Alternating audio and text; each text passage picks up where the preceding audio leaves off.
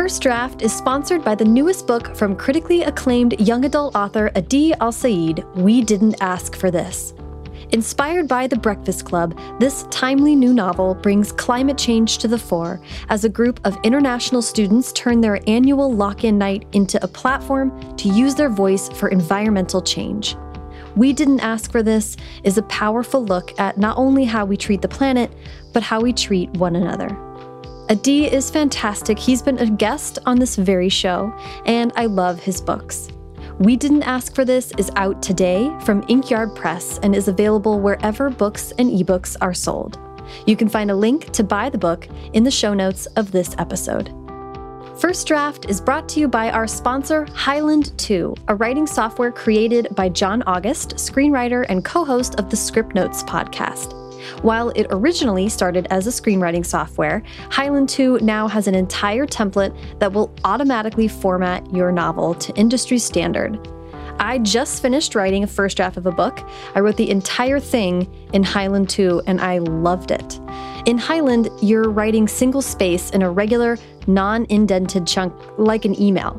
It's only when you hit preview that you see the manuscript formatting.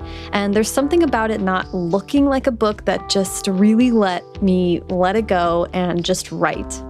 Highland 2 is clean, beautiful, and organized, which is to say, it didn't distract me, it just got me to write. Check out Highland 2 at quoteunquoteapps.com or find the link in this episode's show notes.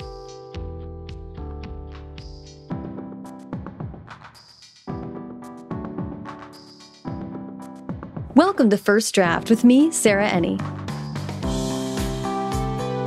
This week I'm talking to Veronica Roth, number one New York Times bestselling author of the Divergent series, the Carve the Mark duology, and the short story collection The End and Other Beginnings. Veronica's debut adult novel, The Chosen Ones, is out today. We talk about the pain of growing and getting better at something, the quicksand reality that has been the planning of her book promotion for The Chosen Ones, and the introduction of a brand new segment, Jules's Corner Questions from My Mom. Everything Veronica and I talk about on today's episode can be found in the show notes. First Draft participates in affiliate programs, and that means that when you shop through the links at firstdraftpod.com, it helps to support the show at no additional cost to you. And we are affiliate of bookshop.org, which also benefits independent bookstores. If you'd like to donate to First Draft, either on a one-time or monthly basis, simply go to paypal.me slash firstdraftpod. This week, I am thrilled to announce a new project within the world of First Draft Track Changes, a nine episode podcast miniseries that will get into everything you don't know you don't know about book publishing. The first episode airs April 16th and you can find a trailer in the first draft feed right now. Everything's going to happen in the first draft feed, so you don't have to go anywhere special to listen to the podcast. You just have to stay tuned right where you are right now. In researching for the miniseries, I learned way more than I could possibly fit into nine episodes. So on April 16th, I'm also launching the Track Changes newsletter, a subscription newsletter that every week will bring you further insights into how books get made. Both projects aim to provide transparency and give writers the information they need to think of their art as their career. Find more information about both at firstdraftpod.com slash track changes. Okay, now please sit back, relax, and enjoy my conversation with Veronica Roth. Hi, Veronica. How are you? Hi, I'm good. How are you? I'm doing well. It's good to hear your voice. You too. It's been a while. Yeah. Since we had any I know, contact. I've been, I've been I know since since either of us had contact with anyone in the outside world. I know. Okay, so I'm going to start off by just letting everybody know that you and I have spoken on First Draft before. In fact, a number of times. I'm going to link to all of those um, episodes that we've recorded together where people can hear a lot more about how you kind of grew up and what led you to writing. And we kind of, then we talked about Carve the Mark in your second series after Divergent. Um, so people should definitely check that out. Yeah.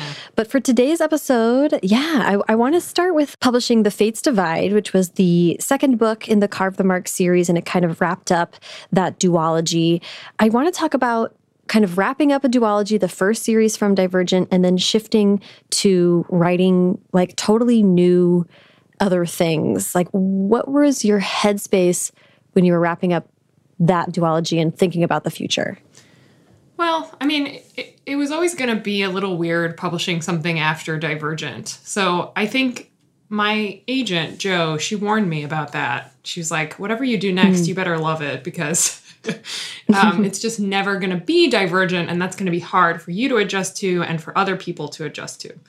Because Divergent mm. was uh, lightning in a bottle scenario, like really remarkable, special time for books um, and for me, like mm-hmm. the two colliding. So um, mm-hmm. So Carve the Mark was very much like a transition away from that just to learn what my career might be like and to learn what kind of writer I actually was outside of outside of Divergent. So it was definitely an adventure and um, a little bit of a weird adjustment period and a little bit like of a less accessible book series for people if they're not acquainted with their own love of science fiction because I always insist to people that they secretly love science fiction even if they don't know it.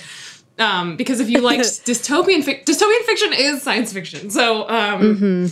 anyway, so it was you know it's another world, carve the mark, and a little bit of like a space fantasy adventure. So it's not as easy for people to enter into as a dystopian book. Mm-hmm. So it mm-hmm. had a lot of challenges, but man, the Fates Divide itself creatively was one of the easiest books I've ever written. Really? Yeah, I don't know why it just like had a clarity of vision that I was not accustomed to when I wrote the mm. I planned the rough draft very carefully and um, I had planned so much of it from the beginning because it has a lot of revelations in it that are set up and Carve the Mark very clearly. So mm. um, there were a lot of things that like this has to happen and I have prepared for it. And so structurally it was a lot like clearer to me how it was going to work and um, and then I had a plan and I actually followed it. I've since, I've since developed a theory that at certain points in your writing career when things feel really hard, it's because you're at the bottom of a hill with your creative development, mm. like learning something new. And that means you're growing, you're in like a growth phase, which is really encouraging, even though it feels discouraging. And with the Fates Divide, I think I was at the top of a hill. So I had learned the lessons I needed already to write that book, and I just wrote it. And so I think that's kind of where this, at least that's a theory that I'm working with now. That's kind of why I think it felt easier. It required a lot less revision than any other book I had ever written and um, i've reread it since then and i still really love it so Yay. i don't know it's such a positive creative experience for me that's great i i am so really compelled by that uh, what are we going to call it? A metaphor for the the top of the hill and the bottom of the hill. I was just thinking the other day about this, and my I don't for some reason I love a gear analogy. I always think about gears when it comes to mental growth, or I don't know why, but anyway, the to me I was thinking about when you have two gears and they're about to sync up, but those last the last little inching towards connection and locking into something are the hardest and most mm-hmm. challenging, right? And then all of a sudden it's easy and things just move. That's how yeah. I have felt in my own process and in, in, in writing and in a lot of aspects of life is like it gets really, really hard. And then one day you wake up and it's just smooth sailing and it's like, what happened?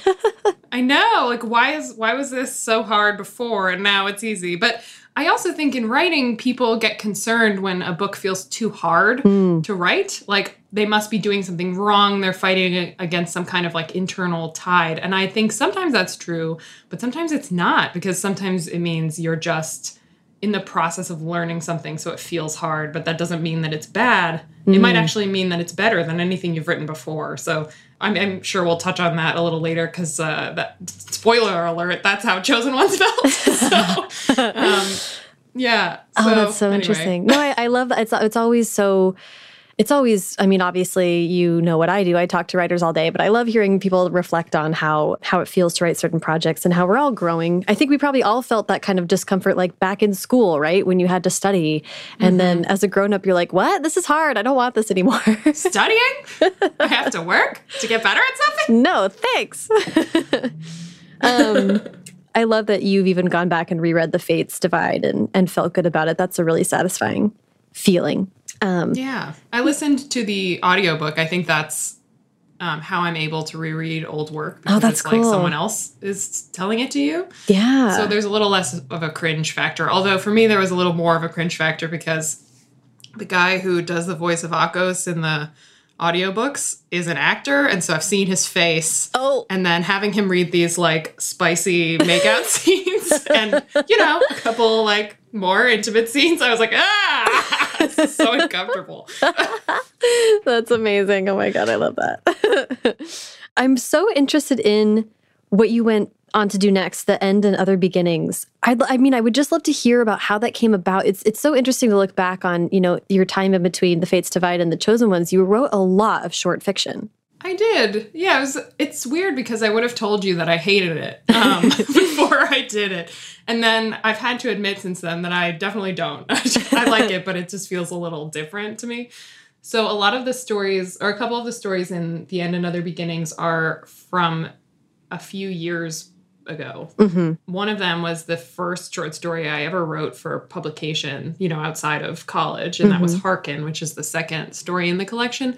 I think that I wrote in 2011. Wow. Uh, yeah.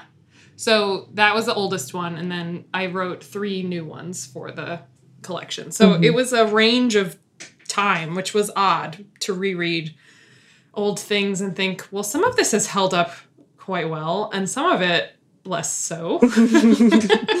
but anyway, yeah. So the way it came about is that the rights to the short story Inertia, which is the first one in the collection, sold to a movie studio, Fox 2000. Mhm. And it seemed important for that story to be available by itself in some way because it was part of an anthology before. And those are just a bit unpredictable with, like, you know, whether they go out of print or mm-hmm. whether they're available widely and stuff like that. So, mm-hmm. for business reasons, it seemed like a good thing to have it available, but we weren't sure. Me and my publisher weren't sure like how exactly that should come about. Mm-hmm. And my editor, Katherine Tegen, really liked my short fiction, um, which is nice. And she suggested a collection because she was like, you should really have it all in one place. It's been in, you know, a variety of anthologies. And wouldn't it be nice if it was like a really beautiful book that, you know, people wanted to have the physical version of Yeah. and like let's do it. And i was up for it. So that's kind of where it came from. That's so cool. yeah. And then she suggested that i write you know a bunch of new ones. Obviously i didn't have enough to write to not write new ones. Um, so we agreed on three new ones three old ones and that's when I wrote, I wrote Armored Ones, which is set in the Carve the Mark universe with Carve the Mark characters, and then The Transformationist, which is set in the Carve the Mark universe without any characters that we're familiar with. And then the other new one was, gosh, what's it called? The Spinners. Yeah. Yeah. What what um and these are I mean I'm saying short fiction, they're kind of novella length. Is that I'm not sure exactly Yes. what the what like page count we're talking about with all these things, but they're they're longer than a couple pages, that's for sure. Yeah, and there's like a range of short story, quote unquote. I forget what the actual parameters are. When it comes to length, I have a very skewed understanding of what is long. since most of my books, all of my books are over 100,000 words. So. Well, I, I was interested in when it comes to writing short fiction, like what muscles do you think you're flexing in that format? Well, because I write so long, I think part of it is just being more concise hmm. and trying to learn how to get things across in like a very small space. Mm-hmm. So, one of those things that I think is most important with short stories is character, because the character really drives the short story, especially in sci fi short stories where concept can be the focus. Mm-hmm. For me, that's never really enough. So, I have to make sure that I care about the people who are moving through whatever the story is. Mm-hmm. And also, I try to use them to work on more craft level things like just description and dialogue and stuff like that because because you're so restricted, you have to focus on those things a lot more. Like, is this necessary? Is it good? Because I shouldn't have anything in here that isn't good hmm. because I don't have any time to waste, basically. Mm-hmm.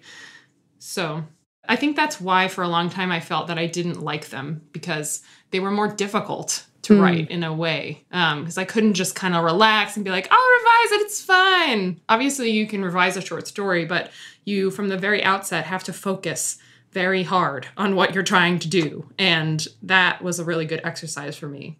Yeah, I feel this when I talk to people that write scripts. Like, I think often people who come from a screenwriting or TV writing background look at novels and think it's so amazing. And I'm like, honestly, what you guys do is so amazing. Like, having to plan so much ahead of time and then having to condense everything into shots and unspoken parts. And it's like every line of dialogue in a script has to do 10 jobs. It's really remarkable. Yeah, it reminds me of cooking, you know. So if you have a fully stocked kitchen, that's like writing a novel. Like you can make whatever you want. Mm-hmm. But people who do a lot with very few ingredients, that's like, you know, the top chef challenges where they're like, here, make a cake out of these Doritos and some baking soda. Yes. And they're like, okay. And they can make a gourmet meal out of it. You're like, damn, good job. Yeah. And I'm, I'm like on nailed it, being like, no. Yeah. oh my God, that's that's such a good analogy. I love that. Thanks. Uh, okay, I want to talk about how how the chosen ones came about, and like, I'm gonna. This is kind of a clunky way to phrase the question, but what came first, the idea for the chosen ones, or the desire to write something that was not necessarily focused on a young adult audience? Ah, well, that's a good question because the answer is the idea, basically. I didn't even really think about that until after I had articulated the idea. So basically, I have this long standing love of Chosen One stories, as mm-hmm. I think anyone who ever liked science fiction or fantasy growing up does, because mm-hmm. there's just so many of them. Mm-hmm. But specifically for me, the big ones were, of course, Harry Potter and Lord of the Rings, but then also the Animorphs books, Oh, yeah. which I was into when I was a kid. And then a bunch of the like Narnia ones have chosen one figures in them. Mm-hmm. And then The Giver and Ender's Game. So all of those are chosen one stories. And I wrote one with Divergent. It's not exactly a classic chosen one story, but she's special. She's set apart and she is the only one who can accomplish this particular destiny. And then I played on a lot of those tropes intentionally because it was fun. Um, and I didn't upend them. I just like faithfully went into chosen one tropes in Divergent. But a lot of people ask me this question that I can't answer, which is what would have happened if the Divergent series hadn't ended the way that it did? What would, you know, would um, Tris and Four have gotten married and had babies and lived happily ever after? And I, as I said, I can't answer that because it ends the way it does, and I never thought of another ending that worked, and that's not how my mind works. Like, what's on the page is is what I think. But it got me curious because I thought, you know, with what she had been through, would she be capable of a healthy relationship? How would she relate to the idea of like having children or uh, settling down? Like, I don't, I don't know how that would happen. So it kind of sparked the idea for chosen ones there. Just considering being unable to answer that question for Divergent made me want to try to answer it, but with different characters, so that I could have the freedom to reinvent their story and you know and to reinvent them and see you know what might come of their post chosen one's life Yeah. Yeah, I love that. I, and I don't want to. There's a question my mom's going to ask you that's going to get into some of that, but uh, so we'll we'll revisit some things about about Sloane and, and the characters themselves. But I, there's this great quote that you um, that I read that you said about moving into the adult space. It's this book, The Chosen Ones, is not about coming of age. It's about taking responsibility for shit. It's about learning that pain doesn't give you the license to be an asshole. And I want to talk more about the actual like like the content of that phase, but it also just struck me that you really were starting to grapple with stuff that isn't what we typically address in young adult fiction. I'm just interested in like when did it become clear to you that what you were writing really wasn't for a, a, a YA audience? i think man i think it was clear like at the very concept level of uh, before i'd ever developed a character or thought about how old they even were mm-hmm. it was just i mean ya fiction i think people get confused about it. You do not, um, which I always appreciate. But people do get confused about it. They think that it's something about content or even about pacing, but that's just not true. For me, YA fiction is trying to occupy the mental space of someone who is an adolescent and writing as if you are in that space. So the second that I realized this book was about reflecting backward on a an adolescent experience that had occurred, I knew it wasn't YA. Yeah, I just read this really excellent book by Rufi Thorpe called The Knockout Queen, and it is about two high school kids as they grow to uh, inform their own identities, but it's written from one point the point of view of one character who is looking back on it therefore immediately it is just not a ya book. Even though the language and and everything else kind of is like that i was like oh no this is definitely not ya Yeah, and I think uh, I'm trying to think of the best example I read recently. Oh, it was All the Birds in the Sky by Charlie Jane Anders. It starts off the character is young, but it always feels like an older person is telling you a story about a younger person. And so then the characters obviously become adults, and it is very much not a YA novel moving forward. But people do still categorize it as kind of crossovery, and I get frustrated because I'm like, just because it's about a young character does not mean that it is YA. right right um, okay well sorry i kind of jumped a little bit ahead i want to pause and have you pitch the chosen ones for us Oh, yeah, sure. So, Chosen Ones is about a group of people who defeated a Dark Lord figure when they were teenagers. Now they are older and they have issues with a capital I because they're the most famous people who have ever lived and they are dealing with kind of the trauma of what they went through when they were younger. And what they discover is that evil is never uh, quite as thoroughly defeated as you might hope. Uh, yeah, I mean, one one question I have for you is how you are able to talk about this book in promotion because there's more than one like pretty big twist in it. Uh, yeah. So it's it's been hard because basically, I mean, I feel like what people think the book is about is all happens in the first 100 pages, and then um, it's definitely still about those things after that point. But there's just so much more. yeah, yeah. um, yeah. it's multiple. Feels like in some ways multiple books in one, which is great. Um, um, Oh, well, I'm glad you think so. Yeah. We kind of open with five characters who collectively are like the chosen ones together.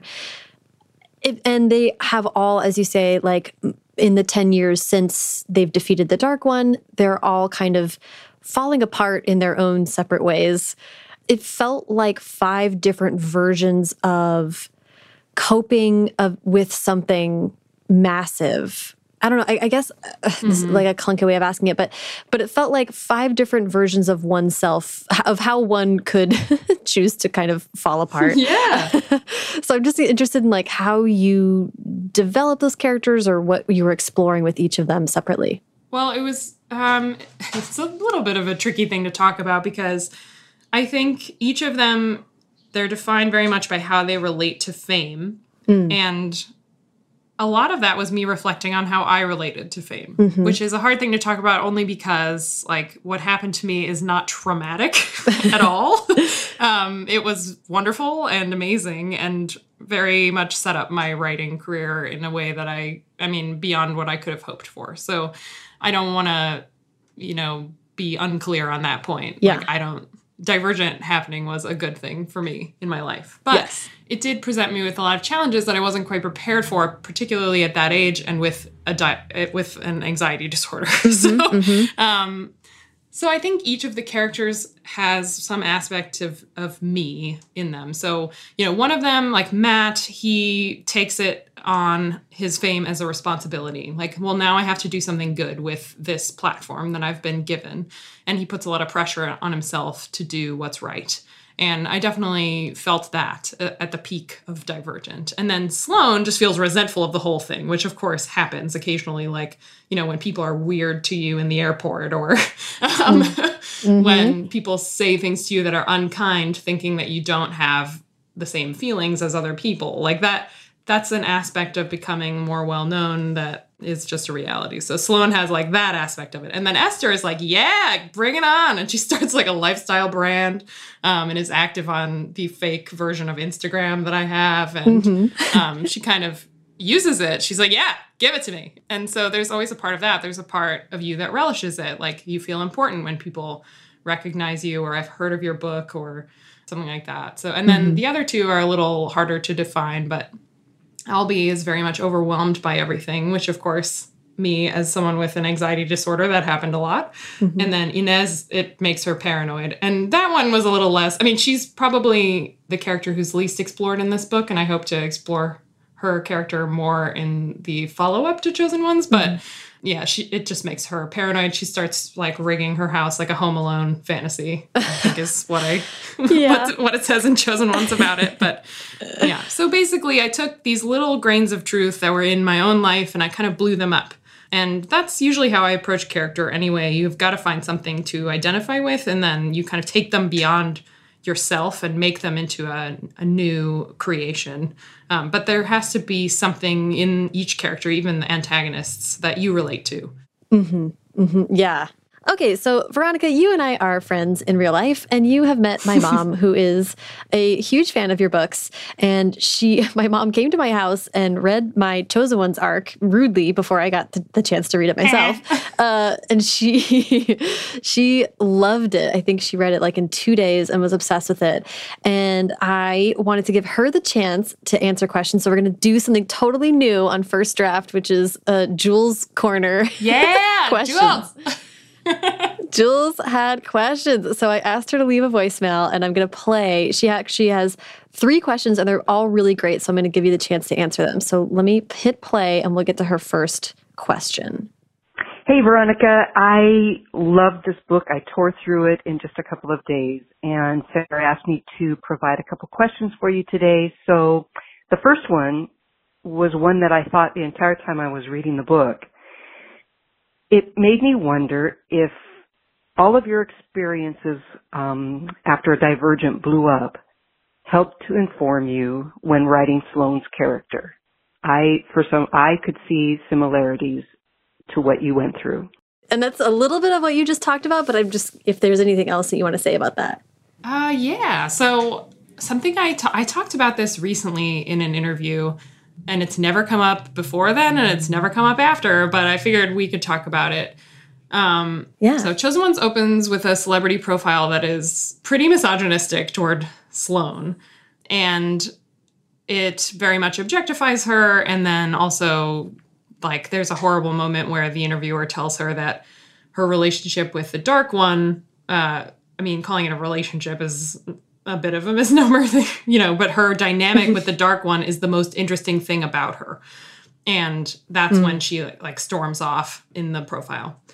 And mm-hmm. I did a lot of research for that profile because like I was never a celebrity and I wanted to know, you know, specifically how are women and then most particularly white women talked about in press because there's obviously a whole different set of issues for any woman of color being talked about in the press and because that's Sloane's experience, I was very narrow in my focus there. So I read profiles with Margot Robbie and Scarlett Johansson and Britney Spears, all in you know mainstream publications that had very much the same tone. So I did research for it, but one of the pieces of research I didn't have to do is that I had a profile written of me in Peak Divergent. It did not sexualize me, but it did objectify me. And I was very, I was like described I was almost never quoted. People talked about mm. the hmm. phenomenon of my books, but there was nothing about me from my perspective. And I've always mm. been really frustrated with that profile. It was in a major publication. It was so hurtful to me. I had spent days with this person doing all this interview stuff, and I had been vulnerable with him. And then, you know, none of that made it in. I was just like this figure to him. And so it's not like a terrible mm. profile. Like if you read it, you might not even notice these things. But to me in particular, mm. it really wounded me because I was just like, you never saw me as a person. You always saw me as divergent. Mm. And this phenomenon yeah. and some kind of emblem of YA, right? And what was happening with YA literature at that time. And that was just really upsetting. And so I drew on that experience very much when I was writing that profile and it was just uh, i don't know it was fascinating to go back to those feelings and let myself actually have them because you know i always wanted to be grateful for everything that i had gotten and even getting a profile at that time was like a huge i mean it's still a huge deal for an author So I never wanted to be like whiny about it. But I think through Sloane, I let myself feel mad for being treated that way by mm-hmm. not just this guy. I mean, it was in small ways by a lot of media around that time. Because I was young and because I was conventionally attractive, I think there was a lot of like I wasn't even there. I was just sitting in my body and with this like phenomenon behind me that no one felt that they could explain. so, like the explanation, I don't know, the kids just like it was like never enough for anyone. it had to be like right. some way I had tricked people into liking it. Anyway, so a lot of that frustration really came out in Sloane. So it almost sounds like that's what your mom is picking up on a little bit, like the commonalities. I don't think Sloane yeah. and I are alike in personality at all, because Sloane very much does not give a shit. Um, and I definitely do. so but it was cathartic mm-hmm. writing about her because she let herself be as angry as like maybe I wish I could have been at the time. Well, you know what's interesting to me to think about, and this may be putting too much on you, so let me know if this doesn't sure, yeah. um, resonate. But I think about, I've been thinking about this a lot lately in a lot of different ways. I've heard different celebrities talk about like the minute that you become famous, and again, we're not talking about you being famous like a Margot Robbie or a Leo DiCaprio, but I read no. this, I think, in the context of Leonardo, of Leonardo DiCaprio, because people were saying like when you become a celebrity at a certain age, in some ways it freezes you at this age. I actually listened to an interview with Adam Brody, who was on the OC and became really famous with the OC, right? And yeah he was talking about how he was so glad that he was in his like late 20s when he was playing that and not an actual teenager because of how distressing that would have been for him personally before he really knew himself. Anyway, and then I was thinking about sometimes in relationships when people get together in high school, there's some part of them that stays at that age because that's like the contract that they've made with each other. These are all like whatever, swimming in these thoughts for for whatever reason. But it makes me think about how when you came on the scene, you were this young writer who was having massive success at the same time that people were really grappling with like, what are the kids reading and what does it mean? And oh yeah, um, just the, think of the children and just yeah, God, uh, a different time. But it's interesting to me that you're having now to demand to be seen as what you are, which is an older, more mature, grown woman who is writing books and building a career for herself and is not this like vestige of whatever zeitgeisty moment happened 10 years ago you know that's what comes to mind for me when you, when you're talking about sloane and her experience and, and what you've gone through yourself personally yeah i i have heard that quote about freezing at the moment you become famous before and have you know when i meet people who are famous you can sometimes like see that in people like oh i mm. i bet i know when you became famous Mm-hmm. Um, the thing about being an author is you will never be famous enough for that. so mm-hmm, um, mm-hmm, yeah, that is like a great gift, right? Like no one, I I got recognized by one one young woman in an airport bathroom once, and that was it. So I just want to be clear. That's what we're talking about here. But um, yes. I was very conscious of that when Divergent was taking off because I was just like, don't let this like because people were doing things for me a lot like holding my bag or opening mm-hmm. my car door mm-hmm. and i was like this is how it happens you stop doing things for yourself mm. you start believing like drinking your own kool-aid and then you know it's all over from there mm-hmm. and so i was really aware of that and then of course like divergent fever kind of stopped and life went back to like a much more normal state and you know all of that was great in many ways but i think there are things to to wrestle with here and i think i wrestled with them through sloane so her story is basically about not like she does feel frozen in some ways mm-hmm. in chosen ones at the beginning. She's not taking responsibility for herself. She has refused to go to therapy even though she desperately needs it. She is like not moving on. She is full of this kind of like pouty attitude toward toward media and also she's like this kind of alternative girl who's like not like the other girls a little bit um, and that's very uh-huh. on purpose because she's basically like stuck at the age that she defeated the dark one which was like 18 so um, mm-hmm, mm-hmm. and the book is about her wrestling with that and trying to figure out what she wants now um, and how to be an adult after in the aftermath of, mm-hmm. of all of this insanity um, in her life and so i don't know i guess these questions about fame and what it does to you and how not to let it warp you They're definitely present mm-hmm. in this book. Yeah, and I mean that brings us back to the quote that I brought up earlier. The um, that the chosen ones. Your quote was, "It's about taking responsibility for shit. It's about learning that pain doesn't give you the license to be an asshole." And yeah, that does feel very like all of our journeys as adults, right? like yeah. self soothing, processing your own experiences, like learning how to move forward in the world without like flinging your own pain out at other people and compounding suffering, you know? Yeah. And I, I mean, I feel that a lot, especially having anxiety, because a lot of things that people say to you when you have anxiety uh, provoke your anxiety. So, uh, you could hold them all accountable for it. You know, like you can't say that stuff to me. It makes me anxious you can't talk about cancer around me. Mm-hmm. I have health anxiety.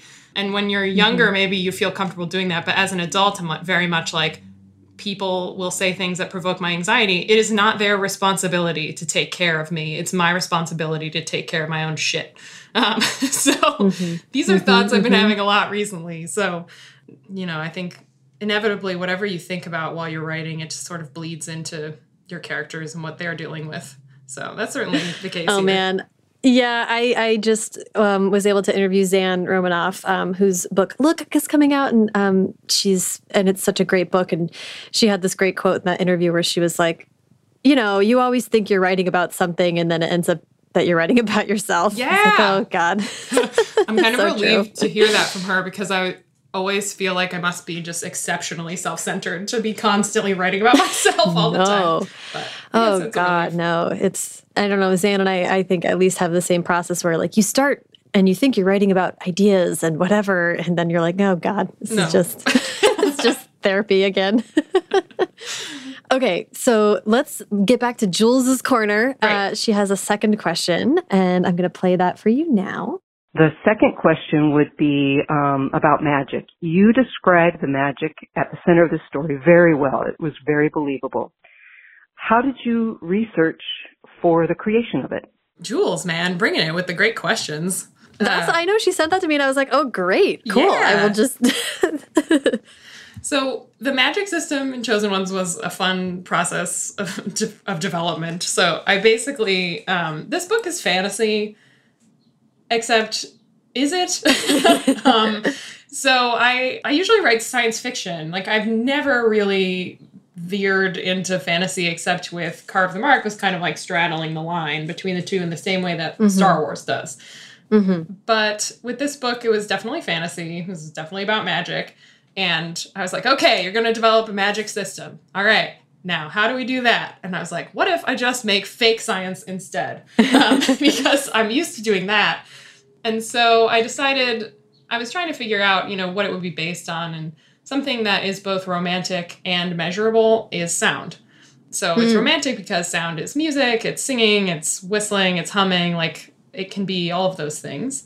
And there's something beautiful about it and something mysterious about what makes certain things beautiful to us and what makes certain things dissonant and all of that. So th- on that note, it seemed um, like a great foundation for a magic system. But it's also something that you can measure. So sound has a frequency and you can reproduce it exactly.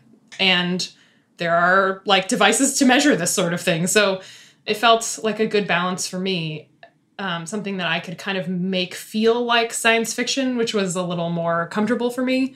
And I also just love that kind of thing, um, where it feels like it could be real because it's grounded in something that we understand and can measure. And magic in the book is sort of a little bit less of like a mystical force and more of something that we just don't yet understand. So, like a physical reality that we have not yet like sorted out, I guess.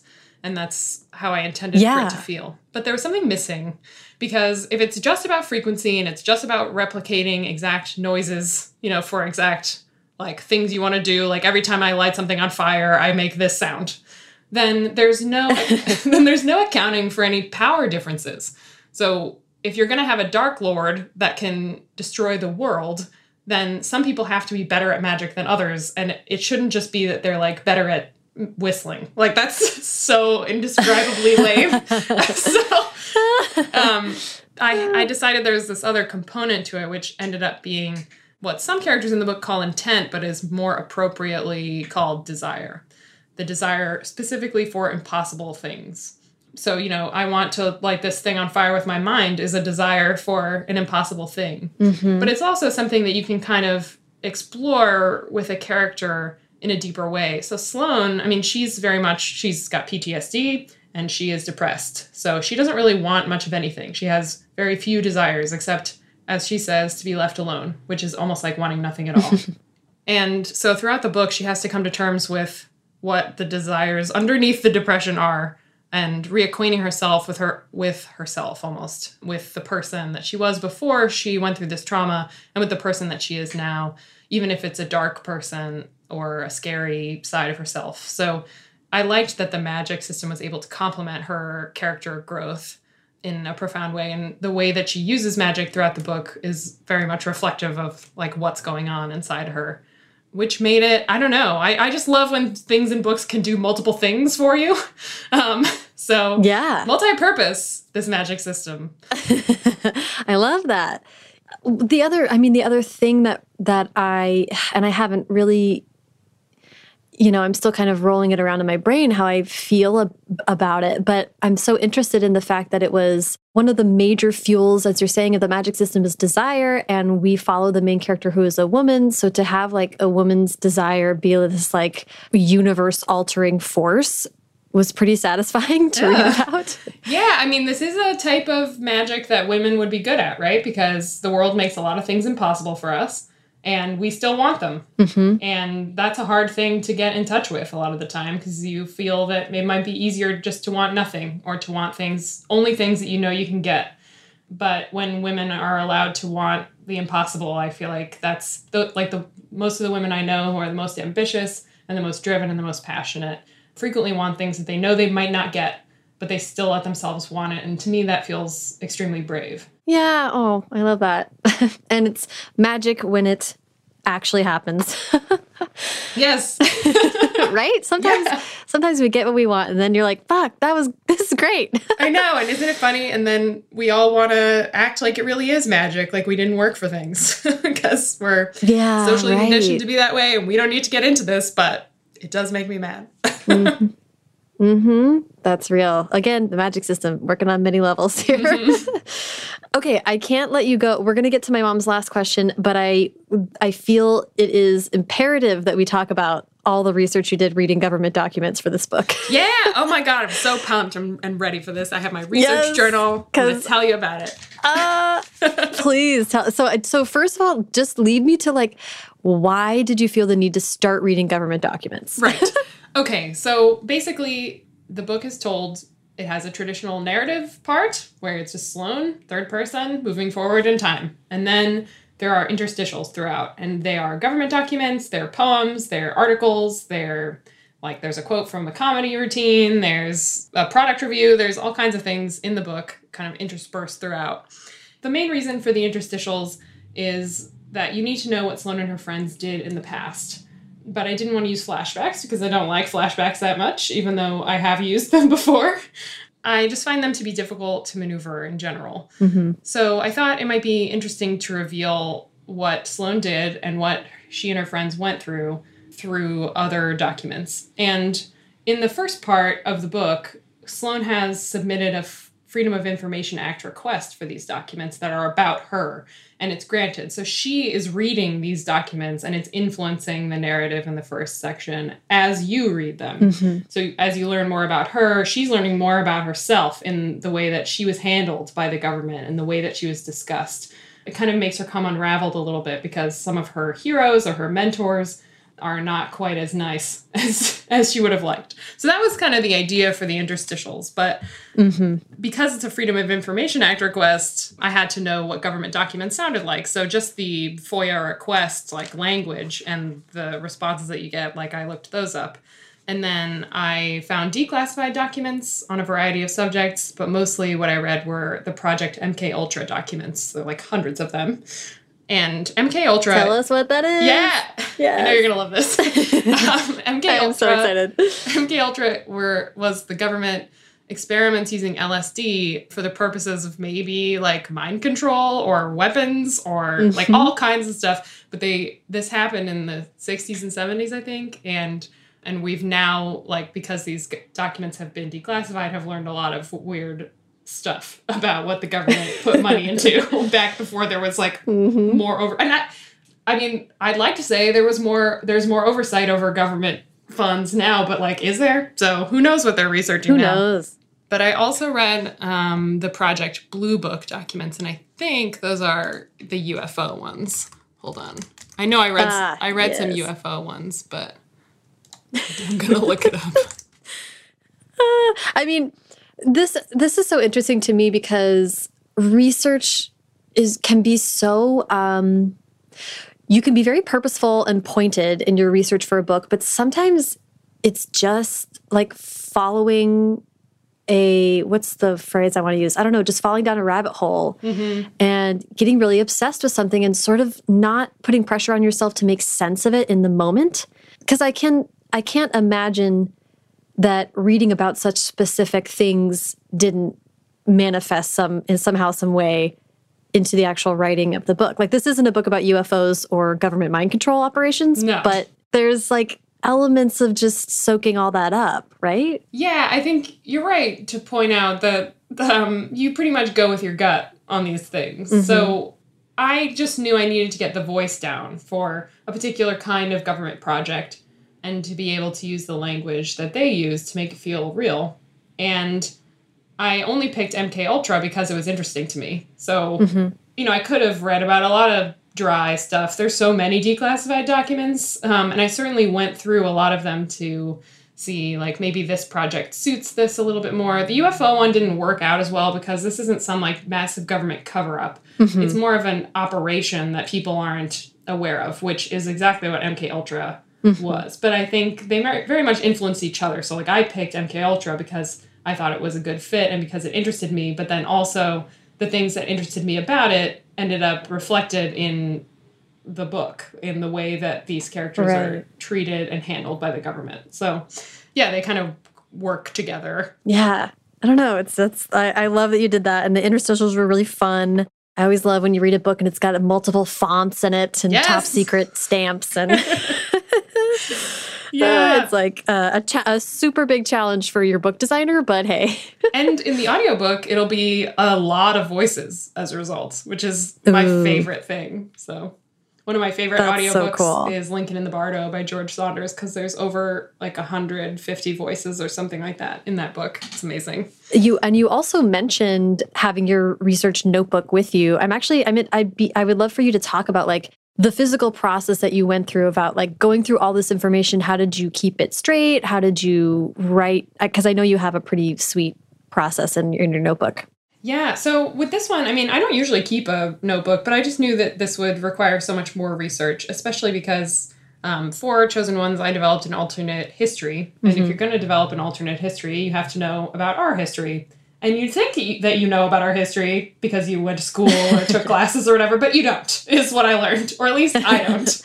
so I know, you know, a rough idea of how things happened and how long they took, but not really. So um, I started off with researching the space race because the two universes diverge at a particular moment, but what leads up to it is also different. So we went through the space race with Russia, which was like the the race to get to the moon, basically, um, in order to like almost as a cover to develop bl- more sophisticated surveillance and ballistic missile technology. Like that's why we did that. That's why we went to the moon. Um, and I figured in this other universe, maybe they didn't want to go up to the moon, but they developed more like underwater uh, exploratory technology. And you can do a lot of surveillance underwater also. And they do, um, which is interesting. anyway, so that's kind of where the notebook started because I knew almost nothing about this. And if you'd asked me, I wouldn't have told you I was particularly fascinated by it. I like going to the moon, but like that's I like space, but that's pretty much where it stopped. so I learned about that, and I was like, I have to keep track of it because I need to develop a timeline. And then I started writing down all the buildings in Chicago because you know I decided that all the buildings that were built before 1969 would be the same, but after 1969 they maybe would and they maybe wouldn't. So there's like a big list of buildings and when they were built and whether I included them or not. And then there was a lot about like the development of modern computing because would you develop modern computers if you had magic? Um, how would it influence Mm-hmm. the use of the internet? Like, would it be that important to us or not? So you need to know like how we did it and then how it changed and then yeah. So I just it was a lot to keep track of, I guess is and so I started writing it down and making it pretty because it was kind of like a I don't know an encouragement for me in difficult times. Mm-hmm, um, mm-hmm. Because you know research is fun but like i'm not really like a big researcher. Some people some writers really relish that part of it and have trouble letting it go and i'm like no i only want to know as much as i need to get this book written and that's it. Okay, let's get to Jules's uh, final question because you kind of led me right to it. Great. Okay.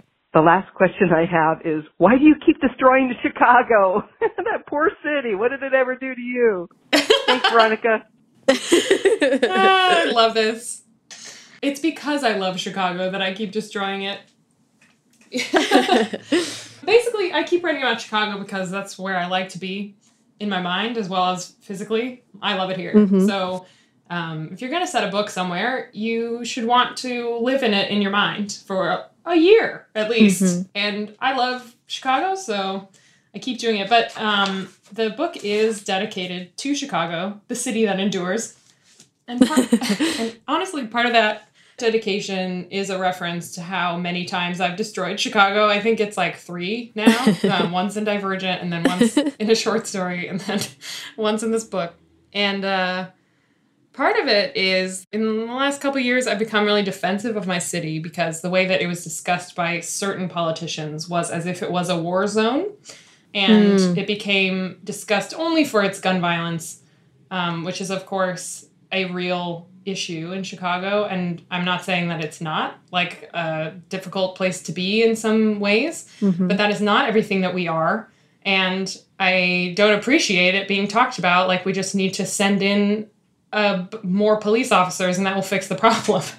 and so, not to get like too intense about anything, but Chicago is my one of my favorite places on earth, and it will definitely endure through the difficulties that we have had and continue to have. And so this dedication is partly related to that. Um, that's a bit of a tangent, I not love it. exactly what your mom was asking, but um, No, I love that. and uh, and of course you are you talked about it like I feel like you got the chance to talk about it a lot with Divergent too but yeah my mom was like my, my I know my mom got really into the descriptions of architecture and how much you because she loves that stuff Oh, so I think good. she really appreciated how like how like setting like Im- imaginative and also detailed you got with the setting in this book was like her exact wheelhouse That's awesome. And uh, I mean, Chicago architecture, that's like one of the main features of our city. And you can also trace its history through the architecture. So that's why it became so important. Let's talk about promoting The Chosen Ones, your first adult book out in the world, spring 2020. What could go wrong? Oh boy. what, what didn't go wrong? is the question I would like to ask. Yeah, and I really want to, you know, I I got the chance to talk to Zan about this. Um, so I really am interested in to whatever extent you're you're comfortable talking about even like a timeline because things moved so quickly. You had plans for a big tour, of course, to to um, coincide with the release of the book. Like, what were the plans and what has happened to them? Well, um, the plans, which were in place since, you know, like last year, if not longer, was to go on a really long tour, which I was really excited about. 15 cities is a long tour, and it was going to be all of April. And that was really great. A great gesture of support from my publisher, and it was going to be really great for the book. So, for a while, um, when coronavirus started to spread in the US, it seemed like we were still going to have public events, but we were going to need to be really careful at them. So I announced like tour's still on. We're gonna be really careful. No one's gonna touch each other. Like that's gonna be our plan. And then two days later, I called my agent and I was like, I don't think it's good to have a public, any public events right now. Mm-hmm. And that's how quickly it changed. Yeah. Two days. Because one, like it felt like I was making the most responsible choice in the moment, and then suddenly it felt irresponsible. Like two days later. So weird. Mm-hmm. Um, so we canceled mm-hmm. the tour, and I think that was, I mean, that was at that point the only option. So there, it was not a hard decision. Mm-hmm. It was like, this is how people are going to stay safe. I am not contributing to this problem. The end. Mm-hmm. But then, you know, the aftermath of it is like, well, what do we do now? Like instead, you know? There's a lot of like loss there. Like it's it's hard to articulate it even because you're just like, this is not the most important thing that is going on right now by far. And we're in a much more serious situation than canceling a book tour. But the things that happen in your life, they're personal to you and they feel acute for that reason. So, in that sense, it's been hard. But there's, I mean, there's no uncertainty involved. Like, it's just not going to happen. So, um, in Right, that sense, it's right. easy because it's like, all right, well, this is how it is and we just have to deal with it. But a lot of people have been moving their pub dates. So, that's interesting. Yeah. Yeah, and I actually just I have a tab open on my computer about that. There was some Publishers Weekly write up about people moving pub dates, but I want to and, and again all these questions are just answer them to the degree you feel comfortable, but Sure. what were those conversations like with your team? You know, this is like a lot of people and and now we're at the point and when this comes out certainly I think we'll be at the point where everybody's sort of inside and it's like holding Yes. in place. But you're talking about decisions that were made when every single day was a huge shift. And we were learning more about how extreme we were going to have to be to help prevent the spread of this virus.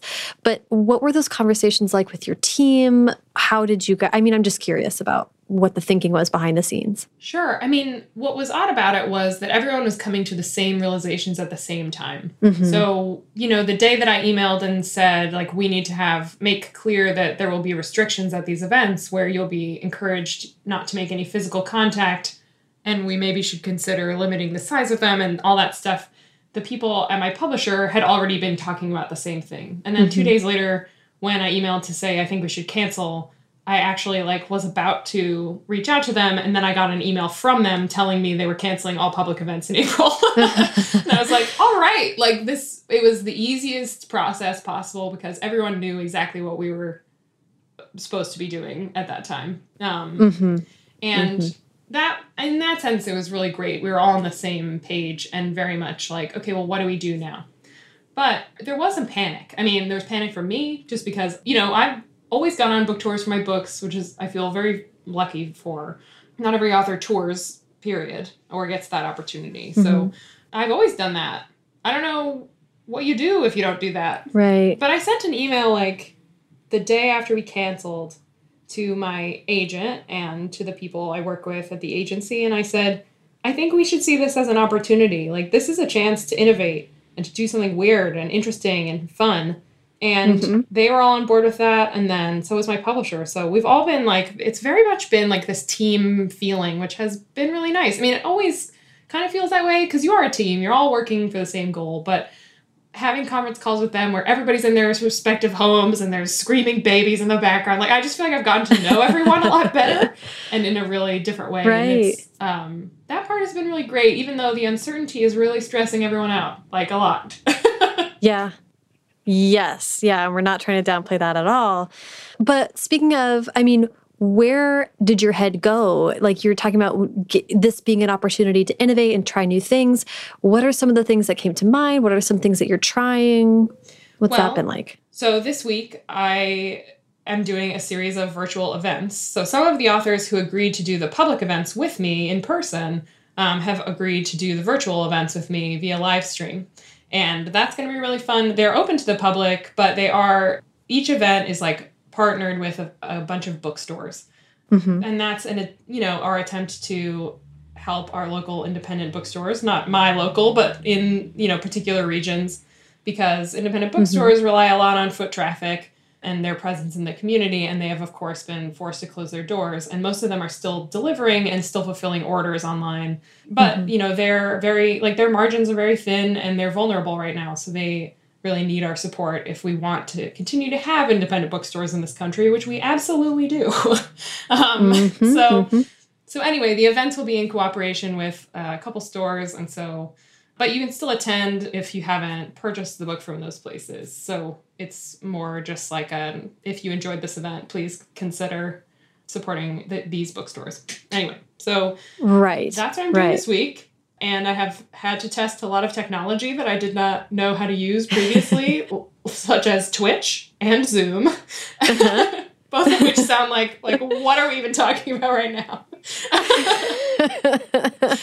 so and true. I've also become way more active on Instagram partly for promotion purposes, but to be honest, partly because like I really like it. Mm-hmm. Um, it helps me to maintain a connection with other human beings in a difficult time, and I've loved tuning into other people's like Instagram lives where I get to see peeks into their lives, and so I've been doing that too. And I kind of feel like you know, this is hard and no one knows how it's going to go, but I'm also uniquely suited for it. Our whole generation is because we know how to use these platforms Mm. and we do use them and we enjoy them. So I can imagine it being a lot Mhm. harder if I were older, but I'm super comfortable on video and on Mhm. the internet. So I feel like that's good. Use your strengths, you know, don't be afraid.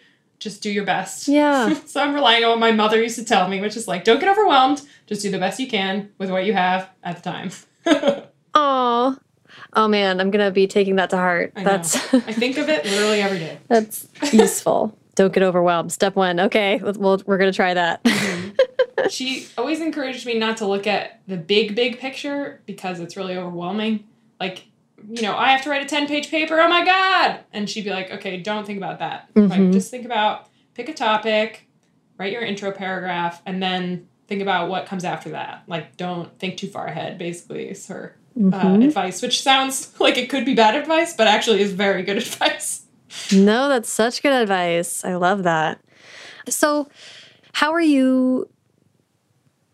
I think we are all feeling the particular kind of grief that comes with having a sense of how your life is going to proceed week to week and very suddenly having that reality however important or or normal day to day it was altered is very unnerving. And I've been reading a lot of articles about how we're all experiencing kind of a collective grief about that because there is a grief with thinking that something is going to go one way and then it going a very different way and you can never reclaim that life that will never be led. Yeah. So, if, uh, no matter how small it was, you know, I was supposed to go to my brother's wedding. Well, that's not happening anymore. Mm. So, obviously, I'm not grieving it to the same degree that he is, but it's also like I had plans, I was going to see my family, and now I'm not. So, I'm just interested in, you know, this is a very important book for you. It's a big deal. You have a new publisher, it's really exciting, and it's your first adult book. And now it's not going to be rolled out into the world the same way that you had hoped. So, how are you kind of emotionally responding to that? So if we'd had this or, or, interview. or coping with it. Yeah. So if we'd had this interview a week and a half ago, I would have been a much different person that you were talking to. Hmm. I try to be a trooper about it because like like I said, really like people's lives are on the line here, and so it is not a good look for mm-hmm. anyone to be mm-hmm. overly concerned with a book release or a movie release mm-hmm. or a show getting canceled or you know like everybody like needs to cool it and think about what's important. so I very much have that attitude. But like now that we have acknowledged that, let me say I am still a person with you know profound anxiety and also emotions. and I yeah, I felt like wow, I worked so hard on this hmm and this is my first step into a new market, um, the adult market. And it was supposed we had all these amazing, great plans, and it was supposed to be this like great debut. And um, you know, I have had bad experiences in the publishing industry, much as that may sound odd, considering my career has been in many ways a dream. Um, and so I was hoping this one would not be one of those, and I still hope that it isn't, but it seemed certain that it would be. And there was a lot of grief associated with that. First, there was denial, like I was constantly thinking that like maybe it would get better uh, and I could still go, you know, like just totally Right. now sounds bananas. And then just like anger that this was happening. And really, I went through all of the Uh-huh. stages of grief. And now hmm I think what happened is like the day that it got better was um, people were moving pub dates. So for a day, I thought maybe we should do that. And then Mhm. I talked to all, all my people talked to their people and everyone talked about and basically the book had already been shipped to all of the retailers and it was too late. Like that's it. You can't move it. And I think having that decision made for me was good because it was like Mm. I no longer feel like I'm concerned that I'm not making the right choice for this book. I have no choices left except to do my best with what we have. And Mhm. honestly, this huge burden lifted, and I was like, okay, like I can deal with hard situations.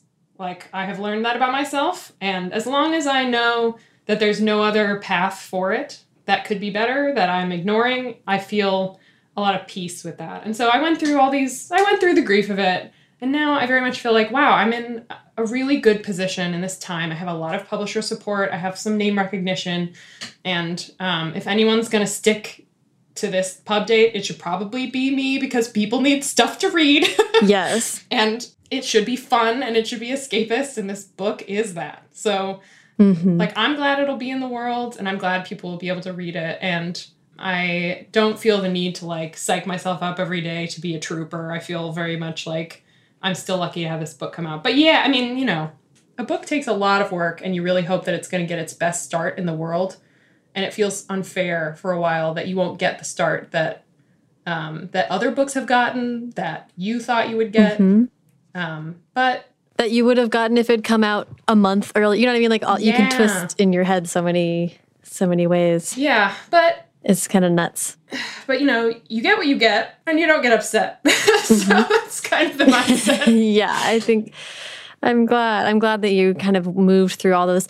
I was having this, I feel like this conversation is peppered with my weird asides, but I was having this thought on one of my now morning ritual walks about the stages of grief, actually, which are what? They're avoidant or uh, de- Denial. Uh, denial, anger.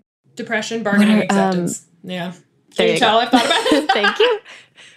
I was gonna say thank. I I knew you'd have those, and then like I, I guess there's a more recent book by someone who was a co-researcher with a person that came out with that model, and it adds another step, and that step is creating meaning. Ooh. Um, yeah, and there, there's a whole book about it, which I actually really want to read and get into. But I was thinking about that on this walk because, to me, I I was like, you know, I think what might make someone an artist is their propensity to take that sixth step, that making meaning step, and move it way up the chain, like you probably start feeling that first or second because the stages of grief can be gone through in any order. Yeah. Um, they're, they're, it's not sequential. And I was like, you know, and I can only speak to my experience, but when my dad passed away, I was like fully in denial and immediately trying to make meaning because I started writing books. And that was far too early to truly make meaning of anything. But I think that if you lean towards the artistic, that might be, or that's like a good metric to tell if someone's an artist or not, maybe. Yeah, I I really like that, and I definitely I kind like this is i mean this feels like a dumb thing to even talk about compared to losing your father, um, but but I find it helpful to keep things in perspective. So like I allow myself to have feelings, you know, to have sad feelings, to have angry feelings, to have all those feelings, but I always try and remind myself that like overall life is good. I have a really supportive spouse and I'm financially stable and my job has not been like canceled because of this. Um, and so, you know, like you have to keep things in in proportion with what's going on in the world. So, I think that's an important thing. But I still felt what you're talking about like throughout this process. So one day I'd be like pissed. You know, I was just like mad. I wasn't mad at anyone. I was just mad at coronavirus. Like, I don't know. And then I would also be trying to like basically create a narrative for it where it was like this like triumph despite adversity. And I was just like, this is ridiculous what you're doing right now. And so at every stage, I would have like the moment of the actual feeling and then the moment of trying to like make the feeling into a story of itself, which is not great. um, but I think that is the impulse as writers, right? Like I'm building this narrative. I'm going to tell myself this narrative in future days. So this could be the great injustice of my writing career where I didn't get to release the book I wanted, blah, blah, blah. Or it could be the story of what happened to me during coronavirus, because I think we will all have those stories and they'll be important to share in the coming months, even if they're silly and they're like, I sat at home with my cat and I learned how to knit, you know, like that. I want to hear those stories anyway. So this is mine, you know, and that's okay. Like maybe the book won't have a great launch. That's okay because life goes on and more books can be written and we will all go back into the world and remember how to hug each other again and it'll be okay. I believe this. Oh, I love that. Well, as you know, I like to wrap up with advice. So, uh, you are now someone who has written in two categories for young adults and now for adults. So, I would love to hear from you like, what advice you have for someone who is uh, thinking about shifting into a new category. I think it's important to read in the category that you are trying to enter. Even if you have written books before, you have to know what's out there. So, anytime that you write a book, you're entering into a context. And it's just like you can so tell when you read something where the person thinks that they just invented it, you know, like it's the first time it's ever happened. And it's, I mean, that's so disappointing to me in a book when I feel like like what you're writing is really tropey or derivative, but you you think it's like the first time it's ever been done, and like you just shouldn't do that. Um, and so for me, I mean, I had always read adult science fiction and fantasy, but uh, the year before I wrote Chosen Ones, I started like going into high gear and reading things I wasn't even that interested in, you know, based on a pitch, and just trying to discover like what the environment was like so that when I wrote in it, I would know what I was like stepping into. So I think that's really important. Also, I mean, don't make the mistake of thinking that the genre distinctions are that important because I approach this book like I approach every book I've ever written. It's just that I am a better writer now in a lot of ways and an older person and someone who's learned a lot. And so I really was like, well, I'm just going to take this idea seriously and do my do a whole heap of research and get outside readers when I encounter my own blind spots and I'm going to be diligent about my revisions and you know so it was very much the same as writing YA just like t- but with different characters who were going through different things and it was distinct on a on a conceptual level, but in, in other ways, it was very much the same process. So it's important not to be too daunted by like, oh, I don't know if I could ever like write in this category. Like, whatever. you you are a writer and you do know how to do it, but it might take more preparation. I love that. Thank you so much, Veronica. As ever, it was a total joy to talk to you. And I hope everyone goes to check out The Chosen Ones, which is a beautiful book, both visually and content wise, I loved it. It kept me up all night reading. So it's a real, real pleasure to read something that fun and engrossing um, at this time in history. So go check it out. Thank you for having me again. It's great to reunite on the podcast. And, you know, wash your hands, don't touch your face, is how I sign off every conversation now. Thank you so much to Veronica. Follow her on Instagram at VRothBooks and follow me on both Twitter and Instagram at Sarah Enni and the show at First Draft Pod. The show was brought to you by Highland 2, the writing software that won't break the bank or your brain. Available at quote unquote apps.com. And We Didn't Ask for This, the newest novel by Adi Alsaid, out from Inkyard Press April 7th. Today, go get it. A quick and easy way to support First Draft is to leave a rating or review for the show on iTunes. It only takes a couple minutes, and through some kind of awesome magic, it helps to boost the show and get it in front of new listeners. I'm going to read a portion of a recent five star review. This was left by Kate Niels. Kate says, Where it's at for writers. First draft is top notch.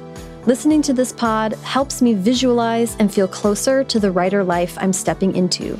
These days, I find I need to nurture and care for my creativity in all the ways, and First Draft is definitely part of my creative first aid kit. With each episode, I'm inspired to continue my own writing project with intention, focus, and an open heart. That is like some Friday Night Lights vibes right there, Kate. I am so moved. Thank you so much being a part of your creative first aid kit. I've never heard that phrase before, and I'm I'm definitely going to um, respectfully adopt it from from you. Thank you so much for leaving that review. If you have any writing or creativity questions that you'd like me and a future guest to answer in an upcoming mailbag episode, I'd love to hear from you. Please call and leave your question at the first draft voicemail. That's at 818 533 1998 or you can record yourself asking the question and email it to me at mailbag at firstdraftpod.com. That seems to be easier for the international listeners, and I love an accent, so please, please send me your questions. Haley Hirschman produces First Draft, and today's episode was produced and sound designed by Callie Wright. The theme music is by Dan Bailey, and the logo was designed by Colin Keith. Thanks also to transcriptionist at large Julie Anderson. And as ever, thanks to you, secret government mind controllers, for listening.